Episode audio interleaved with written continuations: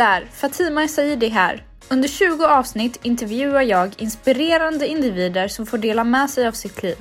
Bakom kulisserna finner ni även Bianca Thorén som preppat oss med alla intervjufrågor. Fortsätt lyssna och låt oss tillsammans ta reda på 20 råd innan 20.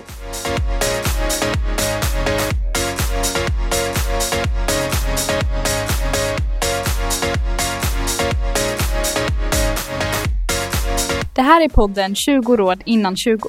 Mitt namn är Fatima Essaidi och med mig idag har jag ingen mindre än Helene Högberg. Hej Helene! Hej! Hur mår du? Jo men tack, jag mår ju jättebra. Solen skiner och det är vår i luften fast att det är lite kallt. Ja, vi spelar in detta ganska tidigt på morgonen skulle jag säga. Är du en morgonmänniska? Nej, det är jag inte. Jag är absolut en kvällsmänniska. När jag pluggade så var ju alltid eh, kvällar och nätter min kreativa zon. Mm. Jag hoppas att det är okej att du fick ta dig hit tidigt. Ändå. Ja då, jag är alltid ju såklart uppe på jobb vid åtta så det var inga fara. Ja, vad bra. Eh, jag tänker att vi har mycket att prata om idag. Du är ju vd för Avalon Innovation, eller hur? Det stämmer. Mm. Så vi ska prata lite grann om det, vi ska prata om din roll som vd. Men jag tycker ändå att vi ska börja i, änden, hur var Helen som ung? Helen som ung var en eh, levnadsglad liten tjej som älskade idrott. Eh, spelade mycket fotboll och allt som hade med rörelse att göra. Eh, tyckte det var roligt att rita och måla och skapa. Så redan när jag var liten så var jag nog ganska säker på att jag ville jobba med någon form av design eller formgivning. Bästa, bästa grejen varje år var när IKEA-katalogen kom och man fick bläddra i de här fina, fina bilderna och collagen och drömma sig bort kopplat till design. Mm. Hur gammal var du då när du satt och bläddrade i? Ja, men jag var nog en 8-9 år tror jag. Oj, så mm. ung! Mm. Och jag minns att jag hade, kanske kommer ihåg de här Festisflaskorna, jag tyckte de var så fina, glasflaskorna med Festis. Så ställde jag upp dem snyggt på mitt rum och försökte skapa lite så här stilleben av dem. Ja. Oj, det måste vara väldigt unikt att veta så tidigt. Mm. Mm. Vad läste du på gymnasiet? Jag läste naturvetenskap här på Tycho Brahe-skolan i Helsingborg. Eh, först hade jag tänkt att välja eh, teknikprogrammet men eh, jag vet, vilket inte är rätt att säga, men det var så få tjejer som skulle gå och jag hade nog saknat mina tjejkompisar för mycket så jag bytte till natur. Okej. Okay. Mm. Vilket jag tycker är lite synd för idag gör det mig ju ingenting men där och då var det viktigt att ha tjejkompisar i klassen. Mm. Och sen pluggade du vidare till maskiningenjör. Det stämmer. Eh, efter gymnasiet så var jag fast besluten att ha ett sabbatsår först eh, och resa och se världen. Så jag gjorde den här klassiska backpacking-tiden. Eh, vi var i USA och därefter så säsongade jag i Alperna och det var en otroligt lärorik tid att få komma ut i hetluften och jobba i ett serviceyrke och lära känna människor och tackla olika situationer. Och därefter började jag i Lund på maskin. Och vid den tidpunkten så var jag så himla glad för att då hade teknisk design inriktningen precis startat i Lund. Så vi var den andra årsklassen då som fick eh, gå den. Så då gick man tillsammans med maskingänget första åren och sen blev vår lilla grupp på 20 personer nischade mot design då. Mm. Så det var en härlig mix. Så kul. Och då spelade det ingen roll att det var kanske fler killar? För det brukar ju vara så på ingenjörsutbildningar. Mm, verkligen, nej men då, då gjorde det mig ingenting. Men jag tror det var den åldern man var, var i högstadietid, gymnasietid. Då var den på något sätt lite mer viktigt. Det är någonting jag vill framföra nu att det ska man inte tänka på. Man ska gå sin väg, man ska välja den inriktning som man känner för oavsett och det blir jättekul oavsett vad man väljer. Mm. Så att, nej men då var det det. Sen teknisk design var ju nog 50% tjejer och 50 killar som eh, mm. som gick i vår klass. Okej, okay. mm. så ändå ganska jämställt. Ja. Mm. Och vad, vad hände där efter studierna? Efter studierna, eh, till att börja med så kombinerade jag studier med att jobba. Jag har alltid gillat att jobba, så på somrarna jobbade jag fortsatt som servitris här i Helsingborg, nere i hamnen. Jag tyckte det var otroligt eh, stimulerande att kombinera studier med jobb. Fick man lite pengar och gjorde att man kunde ha ännu roligare terminer i, i Lund tack vare att man hade sparat lite grann. Men efter eh, eh, studierna så hamnade jag på Avalon faktiskt.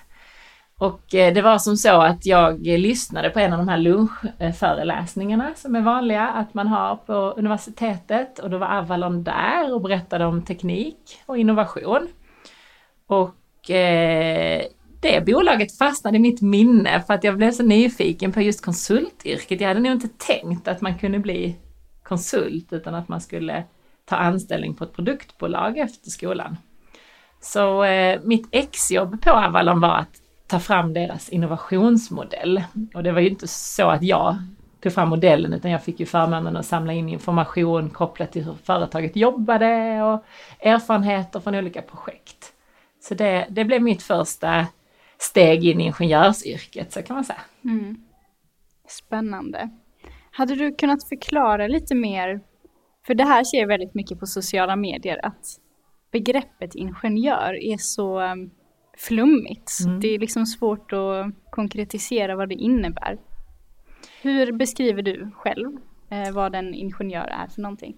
Inom, inom vårt område som ju då fokuserar på produktutveckling så är det ju att vara en eh, problemlösare eller en, en designer är min definition på ingenjör hos oss. Läser man väg och vatten så är det ju att designa vägar och broar och infrastruktur. Men in, en ingenjör ska ju älska att få ett problem, ta det till sig, ta till sig olika tekniska principer för hur man kan lösa det här problemet.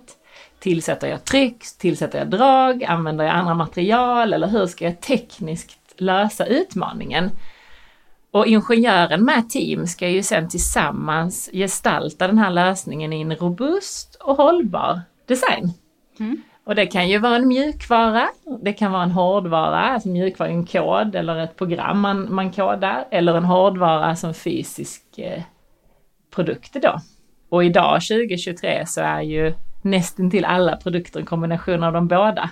Vilket ju innebär att ingenjören behöver ju samarbeta med webbutvecklare, det som heter fullstack och backend, för att tillsammans skapa en lösning till marknaden. Eh, så man ska gilla att lösa problem och problem är för mig ett väldigt positivt ord och det är därför en ingenjör behövs. Mm. Och varför tror du att det finns så få eh, kvinnliga ingenjörer? Men tar jag tillbaka till mig själv som aldrig har på något sätt varit intresserad av bilar och bildelar och motorer och så, så, så ska jag då läsa något som heter maskin. Jag är inte ett dugg intresserad av maskiner, alltså maskinens uppbyggnad. Men däremot designen och formgivningen och så. Det tror jag skrämmer lite tjejer att det låter så grabbigt, nästan mecka med bilar ordet så. Jag är glad att kunna se att många utbildningar idag har andra titlar. Vilket jag också kan se eh, attraherar fler tjejer för att just rubriken av, av eh, utbildningen har ett lite mer rätt eh, ord då. Innovation eh, är ju ett otroligt brett ord. Eh, det har väl hjälpt att fler tjejer vill studera produktutveckling, industriell ekonomi, design och så. Så jag tror det har lite med det här grabbiga mecka med bilar begreppet faktiskt. Mm, mycket fördomar. Ja, men jag, jag känner inte så många tjejer som meckar med bilar, men jag känner väldigt många duktiga produktutvecklare. Mm. så jag tycker det är viktigt att vi, vi framför att ingenjörsyrket är ju otroligt kreativt. Vad var... Kan du berätta om några lärdomar från din studietid i Lund?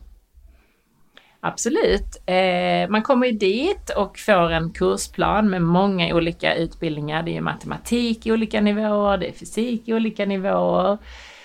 Eh, utmaningen som man blir väldigt duktig på det är att ta sig an ett ganska komplext ämne på åtta veckor. I början kanske det låter som rena grekiskan, har aldrig hört talas om det som sägs på föreläsningarna. Men det häftiga är att efter vecka tre, vecka fyra så börjar liksom systemen falla på plats. Och när man sen ska göra sin tenta då vecka åtta så förhoppningsvis klarar man utmaningen och det är det yrkeslivet handlar om. Att få ett svårt problem och inte rädas av att det här klarar jag aldrig. Utan bygga självförtroendet steg för steg, för att sen klara det. Så studietiden för mig var ju mycket av den lärdomen. Att på kort tid ta mig an ett komplext problem och lyckas lösa det. Mm. Var du engagerad i studentlivet på något sätt? Ja men det var jag. Eh, jag, eh, jag var engagerad i, i maskin med de vänner jag fick och, och kåren där lite grann. Eh, sen så var jag nog ännu mer engagerad i att bygga mitt privata nätverk med andra eh, studenter från andra utbildningar. Juridikutbildningen, socionomutbildningen, ekonomiutbildningen. Eh, jag var ganska tidigt eh, förstående om att ens nätverk är ju det som sen blir viktigt när man söker jobb. Så man inte bara hänger med den kåren som man pluggar, bara, bara, bara, utan passar på att nätverka med andra. Så det var väl mer min strategi, att eh, umgås brett med många. Mm. Och det gjorde jag genom framförallt att jag bodde på en studentkorridor. Och det tyckte jag var jättekul de första åren. För då var ju det blandat med olika utbildningar på samma, i samma hus så att säga. Mm. Mm.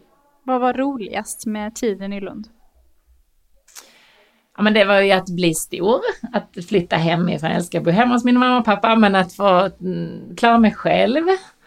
Att eh, känna att jag börjar forma som en ung vuxen. Eh, att jag börjar förstå vad jag vill jobba med. Att få komma ut och se olika företag. Och för något sätt sätta, sätta ord på vad jag kanske ska pyssla med sen i yrkeslivet. Mm. Men det allra roligaste ändå var alla fina vänner jag träffade. Mm. Mm. Och vad var jobbigast? Men jobbigast var nog att eh, jag hade ganska lätt för studierna. Eh, så hade jag inte haft det så hade ju såklart den här pressen av att leverera den där morgonen när man ska skriva en tenta var, var, var jobbigast. Men för mig personligen så var eh, kanske min egen press på att alltid ha höga betyg eh, det som jag tvingade mig att eh, tagga ner lite på och vara okej okay med att få ett godkänt betyg och att precis klara en tenta. Det tog nog två år innan jag fann mig i det, att så fick det vara. Eh, och det tycker jag är viktigt för er som eh, har hö höga krav på er själva att ett godkänt betyg är också väldigt, väldigt bra. Mm. Har du något tips på hur man kommer över den prestationsångesten? Eh, jag har själv haft den med mig hela livet. Att, eh, när jag var, framförallt när jag var ung. Eh, min bror var den som, eh, som gav mig de viktigaste tipsen och för att försöka summera dem så var det ju att eh, det är viktigare att du har roligt och att du har många vänner runt dig och ett stort nätverk än att du är ensam och har bäst betyg. För det det är det som man sen jämför med i yrkeslivet, att ett nätverk hjälper dig framåt, du har alltid någon att ringa om du kör fast. Men om du ska sitta och lösa allting ensam, alla uppgifter själv, alltid sitta senast på kvällen, så, så blir du ju inte starkare än bara din egen kapacitet. Så eh, det är väl mitt bästa råd att be om hjälp. Ta hjälp och hjälp ut. Mm helt okej okay att få godkända betyg och det är väldigt sällan vi ledare idag sitter och tittar på era betyg när ni söker jobb, utan vi tittar på vem är du? Vad har du för eh, värde till oss? Vad brinner du för? Vad vill du göra? Vad vill du bidra med här i samhället? Inte oj, du hade bara trea på fysik tvåan eller vad det kan heta. Det är ingen som kikar på det. Nej. Så det är väl mitt råd. Mm. Ja, men skönt att höra att allting annat runt omkring spelar också roll när man söker jobb. Det är inte bara betyget. Nej. Mm. Du jobbar idag på Avalon Innovation och har gjort det i snart 15 år. Vad har du för arbetsuppgifter idag? Mitt jobb idag är att vara ytterst ansvarig för vår verksamhet. Vi är ungefär 160 medarbetare på 10 olika orter i Sverige och Danmark. Uppdraget handlar ju om att se till att vi har eh, eh rätt eh, rätt förutsättningar för att hjälpa våra kunder med innovation. Och de förutsättningarna är såklart våra kollegor, våra ingenjörer som har rätt eh, fallenheter, kunskaper och utbildning för, för den teknik som våra kunder behöver vår hjälp med. Så mitt jobb handlar ju mycket om att vi bidrar till eh, eh relevant, eh, relevanta rekryteringar. Och med det sagt så har vi ett People and Culture Team som leder det arbetet tillsammans med våra ledare. Det är en viktig uppgift. En annan viktig uppgift är ju att vi eh, samtalar med våra kunder om hur vi kan hjälpa dem med eh, deras unika utmaningar. Och till det har vi ju en, eh, ett affärsteam som jobbar med försäljning och matchmaking mellan ingenjörernas kompetens och kundens utmaning. Så det arbetet är jag också ansvarig i att leda våra ledare inom försäljning. Sen har man ju upp mot sina ägare ett ansvar att vi får ihop ekonomin. Att vi har en hållbar eh, tillväxt, vilket innebär att när det går i lågkonjunktur så har vi avsatt pengar för det och när det går bra så kan vi göra in, nya investeringar. Eh, men framför allt så är det ju att vi är ett företag där eh, kollegor vill verka och vara. Så då är det det mjuka värdet med att vi gör roliga grejer tillsammans, att vi utbildar varandra, att vi har skoj på jobbet. Mm. Hur mycket jobbar man som en VD? Eh, har man det här laget tillsammans så finns det ingen anledning att jobba mer än någon annan, utan det handlar ju om att eh, Såklart får man jobba lite extra när det så behövs, men jag försöker kombinera mitt privatliv med min familj, med jobb. Sen är det ju så, mitt jobb är min passion, så det gör mig ingenting om jag sitter uppe en kväll för att göra en offert till en kund som jag vet är viktig dagen efter. Sen kan jag med gott samvete gå hem klockan två på fredagen och hänga med mina barn. Så nej, man behöver inte jobba mer än en heltid. Det skulle jag säga var rent osunt faktiskt. Mm. För den sämsta ledaren är väl den som är sliten och trött och arrogant och otillgänglig. Mm. Du har haft många andra yrkestitlar på Avalon eh, genom åren. Vill du nämna några stycken och, och liksom skillnaden mellan dem? Mm. Mitt första jobb efter skolan då, det var ju att jobba eh, faktiskt som projektledare blev det. Jag jobbade med design men i ett litet projekt där jag jobbade som projektledare. Eh, anledningen var slumpen egentligen. Det var två väldigt duktiga designers som var tillgängliga och vi hade ingen tillgänglig projektledare. Och jag sa, nej men jag vill testa, det här blir kul. Så mina första år på Avalon var ju att leda våra projekt. Och såklart börjar man ju med mindre komplexa och i takt med att erfarenheten ökade så blev det större projekt. Eh, det var den första delen av mitt, mitt jobb som konsult och då gjorde jag det mycket i vår inhouse-verksamhet, vilket innebär att vi tar hem projekt och driver dem i vår regi. Därefter kände jag mig väldigt så nyfiken på att komma ut till en kund och jobba som projektledare ute på plats. Och då eh, eh, gjorde jag det under ett antal år, bland annat på Tetra Pak. Eh, fick man uppleva hur det var att leda större projekt, stora maskininstallationer och sådär. Sen som jag sa innan så gjorde jag ju mitt exjobb med vår innovationsmodell och försökte bygga en struktur kopplat till det. Och då frågade vår ledningsgrupp om jag ville vara kvalitetsansvarig, vilket ju innebar att vi skulle ha ordning och reda på våra processer och att vi skulle ha Eh, bra eh, styr på vår, vårt arbetssätt. Det handlar ju mycket om att vi jobbar likadant på våra olika kontor, att våra projekt drivs likadant. Så då kombinerade jag konsultrollen med en deltidstjänst kan man säga inom det.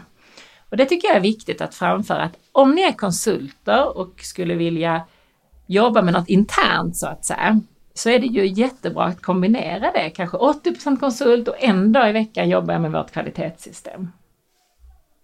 Så det var ett jobb som jag tyckte var spännande. Och när jag hade haft det ett tag så delade vi upp det så att det var team på People and Culture ledde sina processer och så då delade vi ut jobbet till de olika eh, teamen. Och vid den tidpunkten så blev jag ansvarig för att leda alla våra teamleads eh, som är personalansvariga på respektive konsultteam. Så då fick jag testa det, eh, att leda ledare då. Och det var väl lite grann min resa till att sen känna mig trygg med att ta en vd-roll, att jag har varit och lett processer, jag har lett team, jag har varit konsult själv, jag har projektlett. Projektledning handlar mycket om ekonomi, så att det är väl ett råd till er alla att karriären börjar när ni själv bestämmer det. Så alla ni som lyssnar har redan påbörjat er karriärresa. Vårt samtal här ger oss nya insikter och det bidrar till din karriär och så vidare. Så att ta till er små möjligheter att vara med i en fokusgrupp, jobba i ett, eh, ett sidoprojekt. Kanske engagera sig i styrelsen på din förening där hemma eller i fotbollsklubben. Och på så sätt bygger du din karriär och allting behöver inte vara på företaget eller i teamet utan det är ju i, i livet. Mm. Så det har jag alltid haft som min filosofi att, att ta de chanserna jag får att få vara med i olika team. Mm. Så när jag väl fick frågan sen för fyra år sedan, snart fem, eh, att eh, efterträda, var grundare som VD, då kände jag att jag hade de här pusselbitarna på plats. Det var inte, oh jag har bara fokuserat på det här att vara ensam och bäst i klassen på mitt spår. Och nu ska jag ju bli ganska mycket av en generalist som VD, vilket VD-yrket är. Det är ju inte att vara expert inom en gren, det vi har pluggat, utan det är verkligen att vara generalist inom mycket. Då kände jag mig ganska redo. Mm.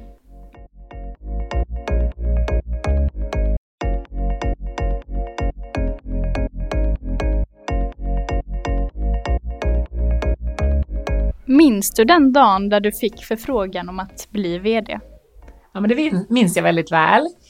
Det var som så att jag var eh, kallad till ett möte i Karlshamn på vårt huvudkontor, vilket ju inte är konstigt i sig för min, min chef Peter Mattisson som är grundare eh, var min chef även då. Så att vi hade ju olika möten, men vi brukar alltid ha en agenda.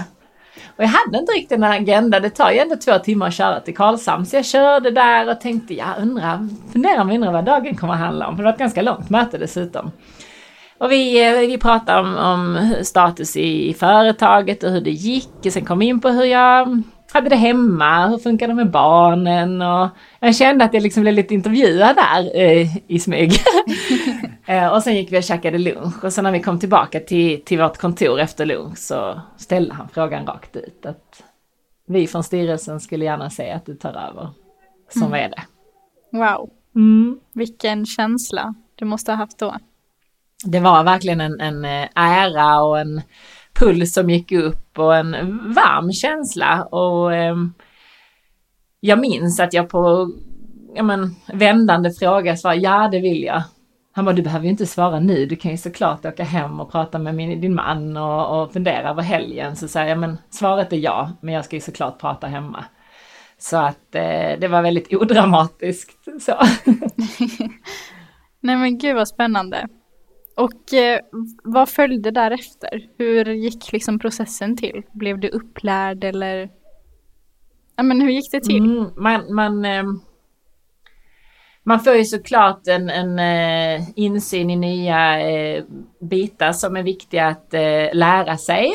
Eh, och i, i, mitt fall den delen som jag kunde minst vid den tidpunkten det var ju bolagsstyrning och det finansiella med bokslut och, och göra eh, budgetar och så.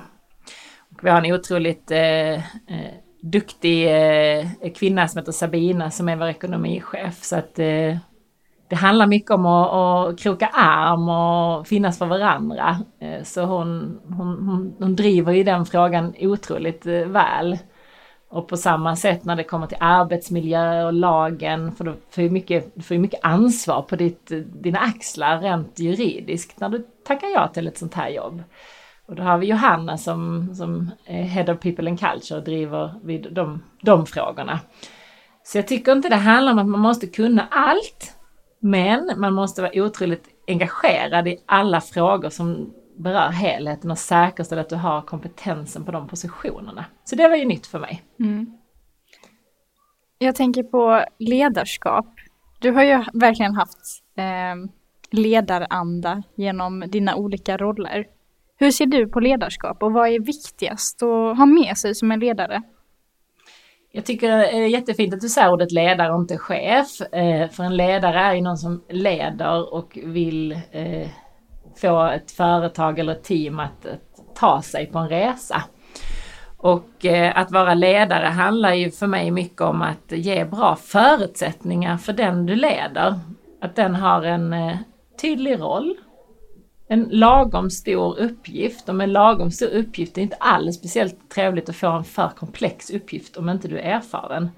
Men den rollen kan ju varje år bli större och större med att du tar nya kollegor in i den personens team. Så Det handlar mycket om att läsa av hur kompetent är den personen som har fått ett uppdrag och vad kan jag ge för förutsättningar för att den ska trivas, utvecklas och, och få det att flyga. Det tycker jag är ledarskap. Det handlar inte om att vara i och peta i detaljer. Eh, men det handlar också om att vara väldigt eh, unik för varje person din och min relation, om jag leder dig eller du leder mig, har kanske sitt unika recept medan en annan person passar bättre på ett annat sätt. Så du kan inte ha en modell för alla. Det funkar inte. Mm. Det är väl det. Och sen att eh, skapa ganska fria tyglar och tillåta personer att göra fel. Det är väl det som är produktutveckling återigen.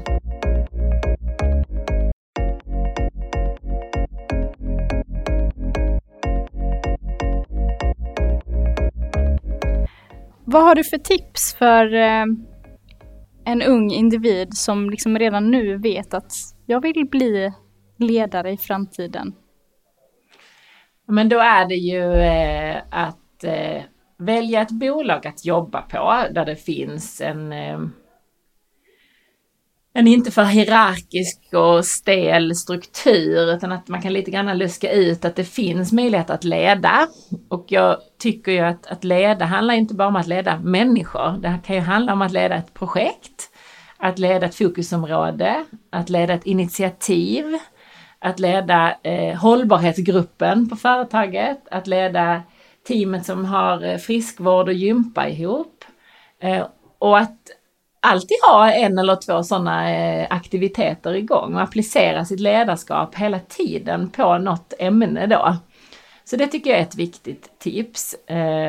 Och Vänta inte på att en ledare frågar om du vill leda. Sträck upp en hand och säg Åh, kan inte jag få hjälpa dig med någonting i ditt jobb? Kan inte jag få ordna aktiviteterna på, på vår avdelning? Eller skulle inte jag kunna få leda den här eh, tillställningen eller det här mötet? Eh, så att det är väl ett råd. Jag har aldrig väntat på att någon har bett mig. Jag har tagit det själv och tagit tag i det. Och framförallt också att man är lite transparent. Funkar det inte?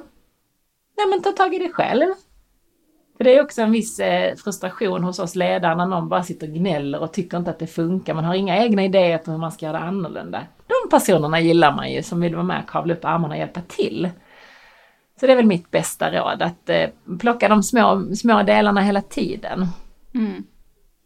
Jag tänker att som ledare så är alla dagar kanske inte bra, utan ibland kan det också vara tufft att vara ledare. Vill du ge något exempel på en utmaning som du har haft? Och man har många utmaningar. Till att börja med som ledare så tar du ju allting väldigt personligt. Du känner det som ett personligt misslyckande om det går dåligt. Du känner det som ett personligt misslyckande om någon i ditt team väljer att sluta du tar det nästan personligt att det är ditt fel. I alla fall om jag pratar egen erfarenhet. Den här personen som väljer att sluta kanske ska flytta till en annan stad, kanske har fått ett fantastiskt jobberbjudande på, på ett annat bolag. Tack vare att du har varit en bra ledare som har lärt upp, som den i sin tur vågar söka sig vidare till ledarskap. Det är väl en erfarenhet som jag vill ge er alla att tänka på, att inte ta det så personligt, men var personlig en utmaning. En annan utmaning kan ju vara Pandemin var en sådan utmaning. Du går in i en högkonjunktur, allt flyter på, det går jättebra för företaget och sen så händer något oväntat. Det är klart att det är tufft, men det handlar hela tiden om att tänka utifrån vad är bäst för bolaget här och nu? Hur kan vi skademinimera så mycket som möjligt? Hur kan jag se till så många av mina kollegor har kvar jobbet? Att vi tillsammans löser detta med våra kunder och som team. Och utmaningen i ett sådant ledarskap är om du inte pratar och är transparent och försöker jobba senast på kvällen och lösa allting själv.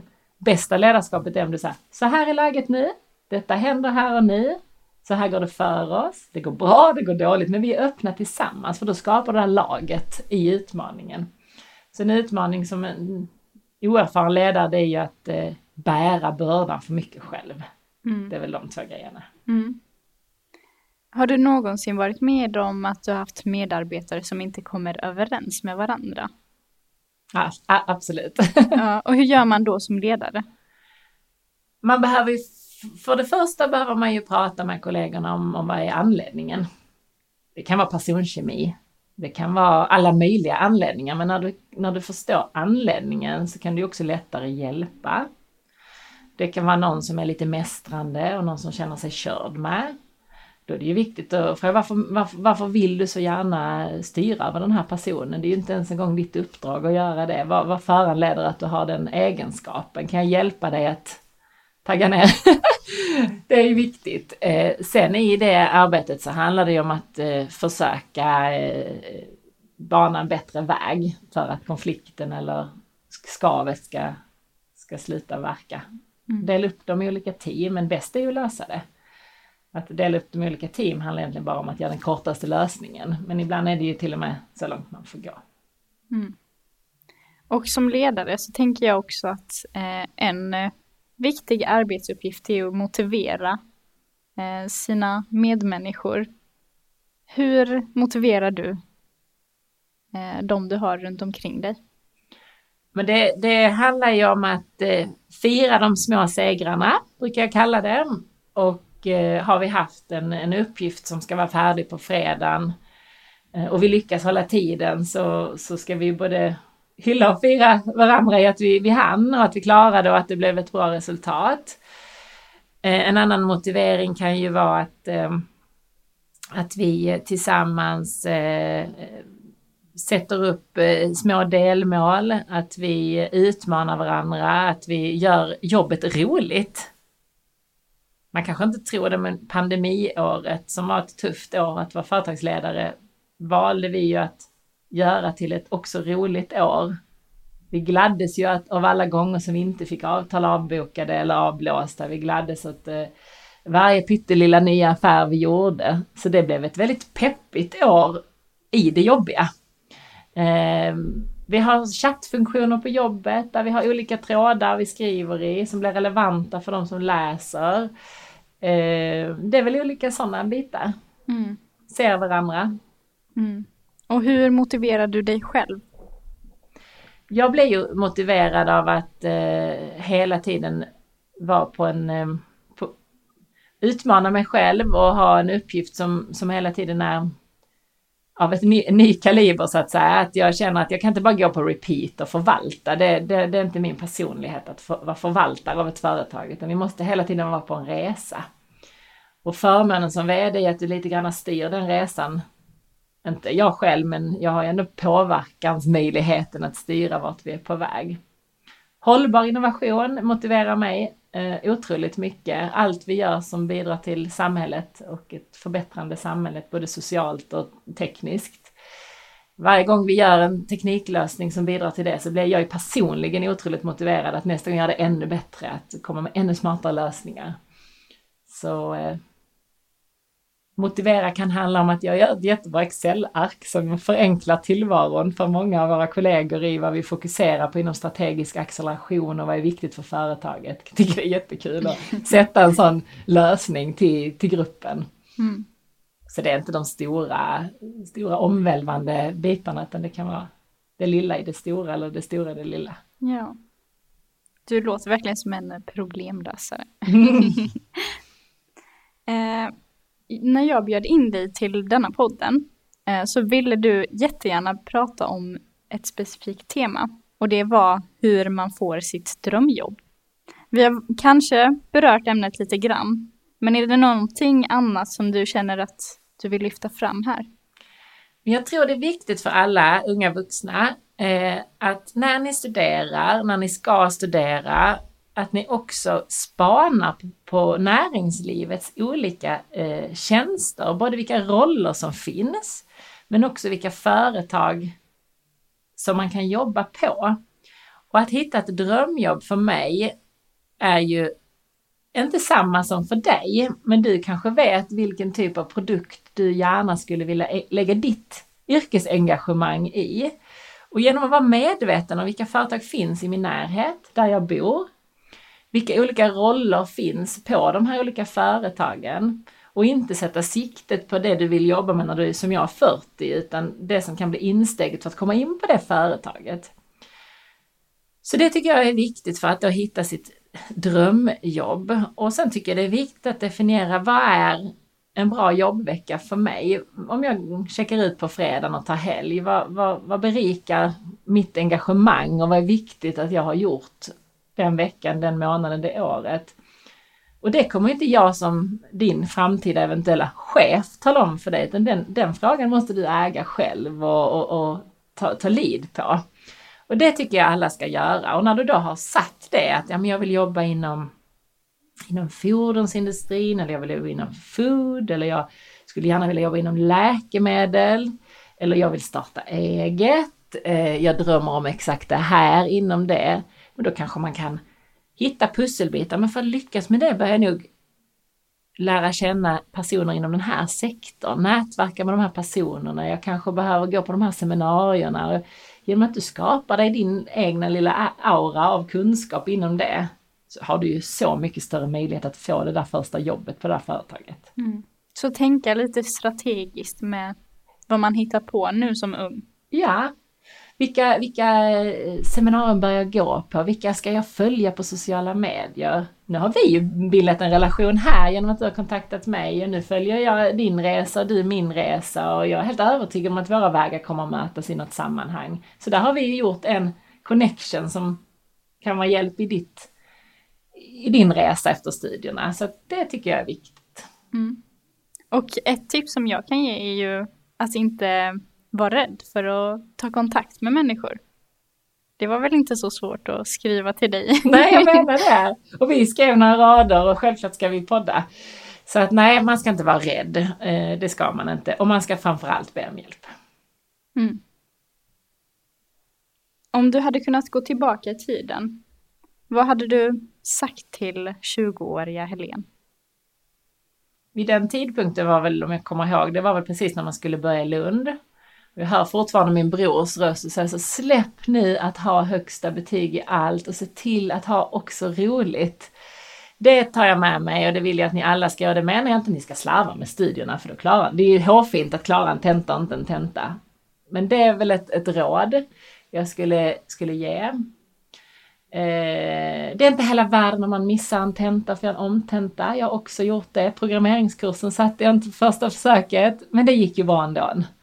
Så det är väl också helt okej. Okay. Blir ni skoltrötta mitt i, livet är så långt och härligt och du kommer jobba så många år, ta ett sabbatsår. Jag gjorde det mellan tvåan och trean och upplevde Asien och reste, bodde i Barcelona och läste juridik ett, ett halvår. Sen kom jag tillbaka med ny energi. Men när jag väl började jobba, då hade jag nog inte tagit det där sabbatsåret för att resa. Så det kan man också göra. Mm. Man kan också ångra vad man har valt. Känns det i hela hjärtat att det här blev inte rätt? Nej, men tänk till, byt utbildning. Men det är inte jättekul att läsa heller i fem år. Det är inte så här skitkul varje dag, så man får också ha lite pannben och bara ta sig igenom vissa tentor och bara bita ihop och känna sig lite happy att man satte den. Men ja, några av kurserna jag läste tänkte, när ska jag någonsin använda läran om transmissioner? Jag vet knappt vad det är. Men ja, ja, det blev ju bra det också. Mm. Det är väl mina råd. Så. Mm. Jag tar verkligen åt mig dem för att jag befinner mig lite där du var för några år sedan. Ja. Jag vill inte fråga om din ålder. Ja. Jag fick faktiskt jättekul, några studiekamrater från Lund skickade en reunion inbjudan att det är 20 år sedan jag började i Lund. Så det är ett tag. Ja. ja. Så är det. Och jag tänker att vi kan avsluta med en liten pitch. För att jag tänker att du som vd för Avalon Innovation borde ha väldigt bra koll på hur man pitchar in företaget. Så varför ska man som ung söka sig till Avalon Innovation? Jo, men till oss ska man definitivt söka sig till om man vill bidra till hållbar innovation, vilket då innebär att du får vara med i olika produktteam och designa tekniska lösningar som framtidens användare behöver och som våra nästa generationer kommer uppskatta. Då ska man söka jobb hos oss. Och det kan man göra om man är maskinkonstruktör, industridesigner, webbutvecklare, fullstackutvecklare, så allt som har med tech att göra. Mm. Gud vad kul. Tack Helene. Tack så mycket.